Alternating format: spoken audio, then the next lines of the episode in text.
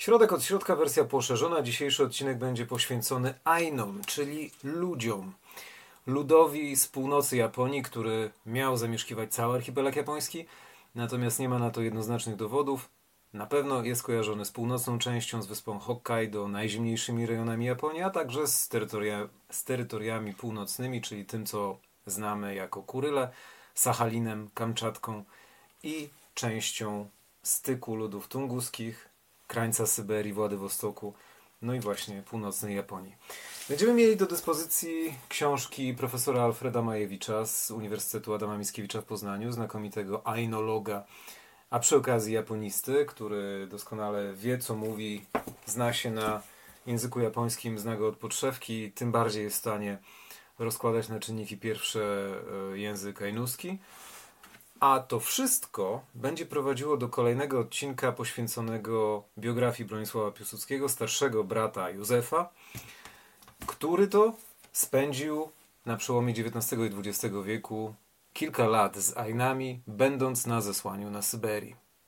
Jako jeden z najwybitniejszych badaczy kultury ainuskiej jest pamiętany do dziś. Nie cały jego dorobek został wydany, ponieważ Bronisław Piłsudski nie miał pieniędzy na to po powrocie do Polski po zsyłce na Syberię i niestety część jego zbiorów i ogromnej kolekcji tego, co przywiózł ze sobą nie tylko w głowie, ale i w postaci zapisków, zaginęła.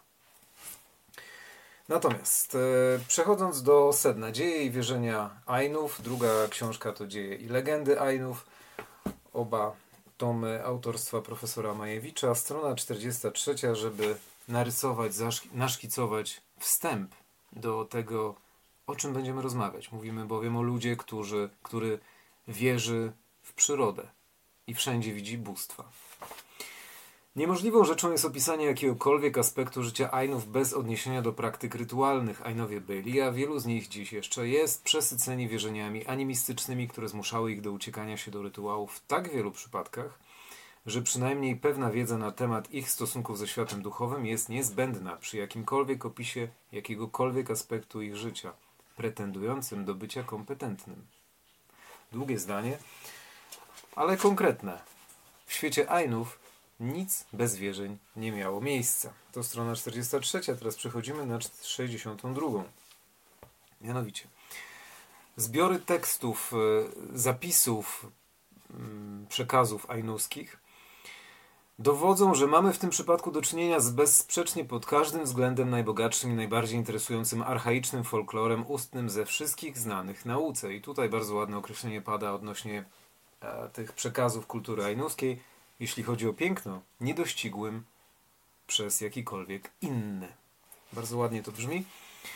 No i dalej czytamy o Ainach. Z tej to właśnie tradycji wyłania się świat dawnych społeczności Ainów, ich życia, zwyczajów, wierzeń i światopoglądu. Z niej poznajemy skomplikowane układy łączące świat bogów i świat ludzi. Ainowie żyli w pełnej symbiozie z naturą, która ich otaczała, karmiła, zapewniała dach nad głową i podobnie.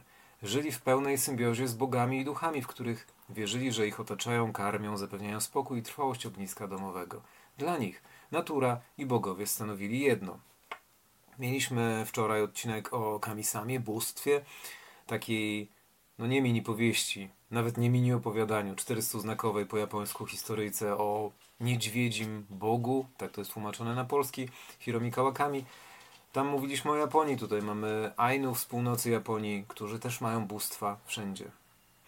Jak już powiedzieliśmy wyżej, Ainowie przed swoimi bogami czuli respekt i czcili ich ofiarą i modlitwą z korzyścią obopólną. Opieka bogów była konieczna dla życiowych powodzeń człowieka, zaś modlitwy i ofiary ludzi były niezbędne bogom. Jednak stosunek ten nie opierał się jedynie na prostej współzależności. W grę wchodziły powinowactwa genetyczne. Ludzie bowiem wierzyli, że są potomkami bogów i że związki między nimi i bogami, bóstwami są możliwe. Powstają wtedy nie do końca zwyczajne dzieci. Takie mające zdolności naturalne oczywiście. Pokrewieństwo ludzi z bogami przejawiało się w folklorze, także w licznych opowieściach o małżeństwach między bogami a ludźmi. Bogowie mogli przybywać do świata ludzi, tam poślubiać ainuskie, to znaczy człowiecze kobiety i żyć przez jakiś czas wśród ludzi, pomagając im, acz głównie naturalnie pomagając swoim nowym krewnym. W pojęciu Ainów, i to jest bardzo ciekawe, człowiek był zupełnie bezsilny wobec żywiołów, chorób, głodu, śmierci. W oczywisty sposób cudzysłowie kar, ściąganych na ludzi przez zagniewanych bogów, nieusatysfakcjonowanych ludzką wobec nich posługą, przez demony i dusze zmarłych, niewłaściwie odprawione do świata podziemi. Jego życiem kierowały dwa popędy szukania protekcji u silnych i dobrych bogów oraz niedopuszczania demonów do siebie i swojej wsi, swojego kotanu. Ainowie szukali protekcji nie tylko u bogów, ale też u swoich zmarłych przodków i duchów czczonych przez tych przodków. Zmarli po śmierci szli bowiem nie do podziemi, ale gdzieś do nieba, do góry i stamtąd spoglądali na ludzi. Co więcej, mieli takie same rytuały jak ludzie na ziemi. Takie same ofiary składane Bogom. Prowadzili równoległe życie do tego, które porzucali już w formie cielesnej, żeby przenieść się do krainy zmarłych, ale tam żyli identycznie jak na ziemi. Idziemy dalej.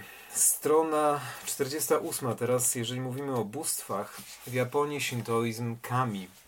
O e, profesorze Wiesławie Kotańskim, znakomitym japoniście, mieliśmy kilka odcinków tutaj. Na początku e, otwarcia tego kanału trzy takie opowieści były o rozumieniu kami przez Japończyków. W świecie Ainów byli kamui. Niby to samo, niby troszkę zniekształcone japońskie kami, ale jednak trochę co innego. Tutaj następuje wyszczególnienie kilku badaczy Ainów. Między innymi Bronisław Piłsudski przyjmowali, że wyraz ten kamuj był pierwotnie złożeniem o znaczeniu wielkie mięso lub posiadający mięso. W konsekwencji zwierzę, nie tylko bóstwo, coś z mięsem, coś zwierzęcego. Takie właśnie miało być oryginalne znaczenie. Zwierzę, a więc coś, co posiada mięso, tak cenione, z czasem rozciągnięte stopniowo na wszystko, co cenne, cenione, piękne, czczone, wreszcie istota i bóstwo. Wyraz kamuj pierwotnie wcale nie był nazwą bogów czy duchów, tak twierdził Bronisław Piłsudski. Jego informatorzy, Piłsudskiego tam na miejscu, upewniali go, iż takim pierwotnym wyrazem o znaczeniu Bóg był wyraz sierema, ewentualnie sieremak, strażnik, który był obwarowany swoistym tabu. Ainowie nie lubili używać go nadaremnie, bez rzeczywistej potrzeby. Wyraz kamuj jest jednym z kluczy, trzech kluczy do kultury ainowskiej. Czytamy dalej, przenosząc się na stronę 68. Drugim wyrazem kluczem było inau. Patyki, żerdzie lub pale różnej, ale każdorazowo dla danego celu określonej długości i grubości, przeozdobione wiórami, nadstruganymi na nich i zwisającymi z nich w różnych, też każdorazowo i każdorazowo określonych ukształtowaniach oraz różnymi, znów kontekstowo specyficznymi nacięciami. Miały one według Ainów być, dlatego być Bogom tak drogie, że ci sami nie byli sobie w stanie ich wykonać. To przypomina trochę taką szczotkę na patyku z piórami, tylko że tymi piórami są wióry. Mamy do czynienia z przedmiotem z drewna. Kult Inał i u Ainów był jednym z najbardziej kontrowersyjnych problemów dla badaczy zajmujących się tym ludem. Poświęcono mu też kilka studiów, a w monografiach o tym ludzie problem Inał zajmuje poczesne miejsce. Mianowicie Słusznie wszyscy jednomyślnie przypisują Inau jedno z najistotniejszych miejsc przepełnionym religią światopoglądzie Ainów, słusznie uważają je za dystynktywną cechę i Ainów i ich religii. Nie jest prawdą, jakoby Ainowie jako jedynie używali ich w swoich praktykach. Były one na przykład używane przez Nifchów, to jedno z plemion na Syberii tunguskich, i nawet podobnie Nau lub wprost tak samo Inau nazywane były też znane niektórym ludom tunguskich tunguskim. Znany japoński badacz języków tunguskich Jiro Ikegami wyprowadził etymologię wyrazu inao z języków mandżursko-tunguskich od rekonstruowanej formy ilaun o znaczeniu pałka, która rozkwita lub pałka, którą się stróże. Podstawowy argument tego rozumowania opierał się na fakcie, że w językach tunguskich olczów i oroczów odpowiednik brzmi illau, stąd kierunek zapożyczenia musiał być od języków tunguskich do ainuskiego, ten ostatni bowiem nie mając w swoim zestawie głoski L, regularnie w zapożyczeniach zastępował L przez N. Piłsudski wyrażał natomiast przekonanie, że wyraz inał pochodzi od starego ainuskiego wyrazu nał, który miał oznaczać żerdź, na której wiesza się niedźwiedzie mięso do suszenia, lub czynność zawieszenia niedźwiedziego mięsa do wysuszenia. To może się wydawać zbyt szczegółowe, ale nie jest. Bardzo często w inał dopatrywano się symbolu człowieka Ainu. Wióry miały symbolizować bujny zarost Ainów, najbardziej zarośnięty lud na ziemi. A nacięcia odpowiednio ich usta, nosy i oczy, ponieważ Ainowie rzucali inał do morza w wypadku sztormu lub złych wyników połowu, aby przebłagać rozgniewane duchy, W ich mniemaniu sprawców zła przypuszczano, że stanowiły one substytut ofiary z człowieka stosowanej w dawnych czasach. Kiedyś w starej Japonii, starożytnej Japonii robiono figurki z ludzi, którzy, z gliny, które wyobrażały ludzi. Po to, żeby nie zakopywać żywych ludzi, kiedy jakiś władca bądź bogacz odchodził, żeby nie wysyłać go na drugi świat ze świtą. Szkoda było ludzi. Robiono wyobrażenia z gliny. Sternberg, autor klasycznego dziś studium Kult Inału plemienia Ainów, widział w Inału pośredników między bogami a ludźmi. Zwisające z nich wióry miały w jego interpretacji symbolizować języki, którymi ci pośrednicy posługiwali się w rozmowach z bogami. Później, w związku z poszukiwaniem argumentów dla swojej teorii o oceanicznym pochodzeniu Ainów i ich kultury, Sternberg objaśnił wióry jako substytuty liści tropikalnych roślin, których zabrakło Ainom po przybyciu na daleką północ. Nie do końca wiadomo skąd Ainowie się wzięli. Może z północy, przyszli z Syberii, kiedy jeszcze nie było podziału na wyspy, tylko wszystko tworzyło jeden teren, który się potem dopiero rozczłonkował, być może z południa, ale na tej samej zasadzie. Nowsze badania zdają się wskazywać, że Inau, podobnie zresztą jak słynne podnośniki wąsów u Ainów i kupasuj, takie patyki do podnoszenia zarostu, kiedy się piło. Teoretycznie niepotrzebne, ale tymi patykami też skrapiano przy pomocy pitego alkoholu, za pomocą pitego alkoholu e, ogień, żeby go poświęcić, bądź niektóre rzeczy spożywane. Mogły być symbolami tej nau ptaków, Ptaki zaś w religii Ainów rzeczywiście były traktowane jako istoty pośredniczące między ludźmi i bogami. Ainowie wierzyli, że dusza opuszczała ciało człowieka po śmierci w postaci ptaka. W opinii Piłsudskiego Inał w swej przewadze były niczym innym jak po prostu ofiarami. W bardzo wyjątkowych tylko przypadkach uważano je za mediatorów. To może naprawdę się wydawać niepotrzebne, ale słuchajcie dalej. Mamy, tutaj była strona 71, jeszcze 74. Inał mógł wykonać jedynie mężczyzna. Przeznaczone na specjalną okazję musiały być wykonane w określonym czasie. Nie można było ich zrobić na zapas. Z uwagi na podeszły wiek, wiek tzw. Tak ekasji, czyli starszych, starszyzny, i duży wysiłek konieczny do wystrugania tylu inał, podczas obrzędów proponowano, aby starszyzna przygotowywała je wcześniej. Propozycja była odrzucana, stwierdzano bowiem, że niewłaściwe jest robienie inału z wyprzedzeniem i niewłaściwe jest składanie bóstwom ofiar z myślą o własnej wygodzie. Ponieważ e, pojęć do rozumienia Ainów są, jest trzy inał, czyli te patyczki, ofiary, Kamuj jako coś, co teoretycznie może być bóstwem, a jest zwierzęciem, jest także i trzeci. I mamy w e, dziejach i legendach Ainów na stronie 66 ten trzeci wyraz, który brzmi ramat. Ramat to dusza. Bardzo trudne do przetłumaczenia, z grubsza odpowiadające naszemu pojęciu duszy, oceanicznemu mana malajskiemu gaja. Ainowie tłumaczyli, że osoba lub obiekt bez ramat to rzeczy puste. Kto lub co nie ma ramat, nie ma nic. Przedmiot mógł stracić swój ramat, na przykład po złamaniu czy zbiciu, dlatego łamano broń, mającą towarzyszyć nieboszczykowi.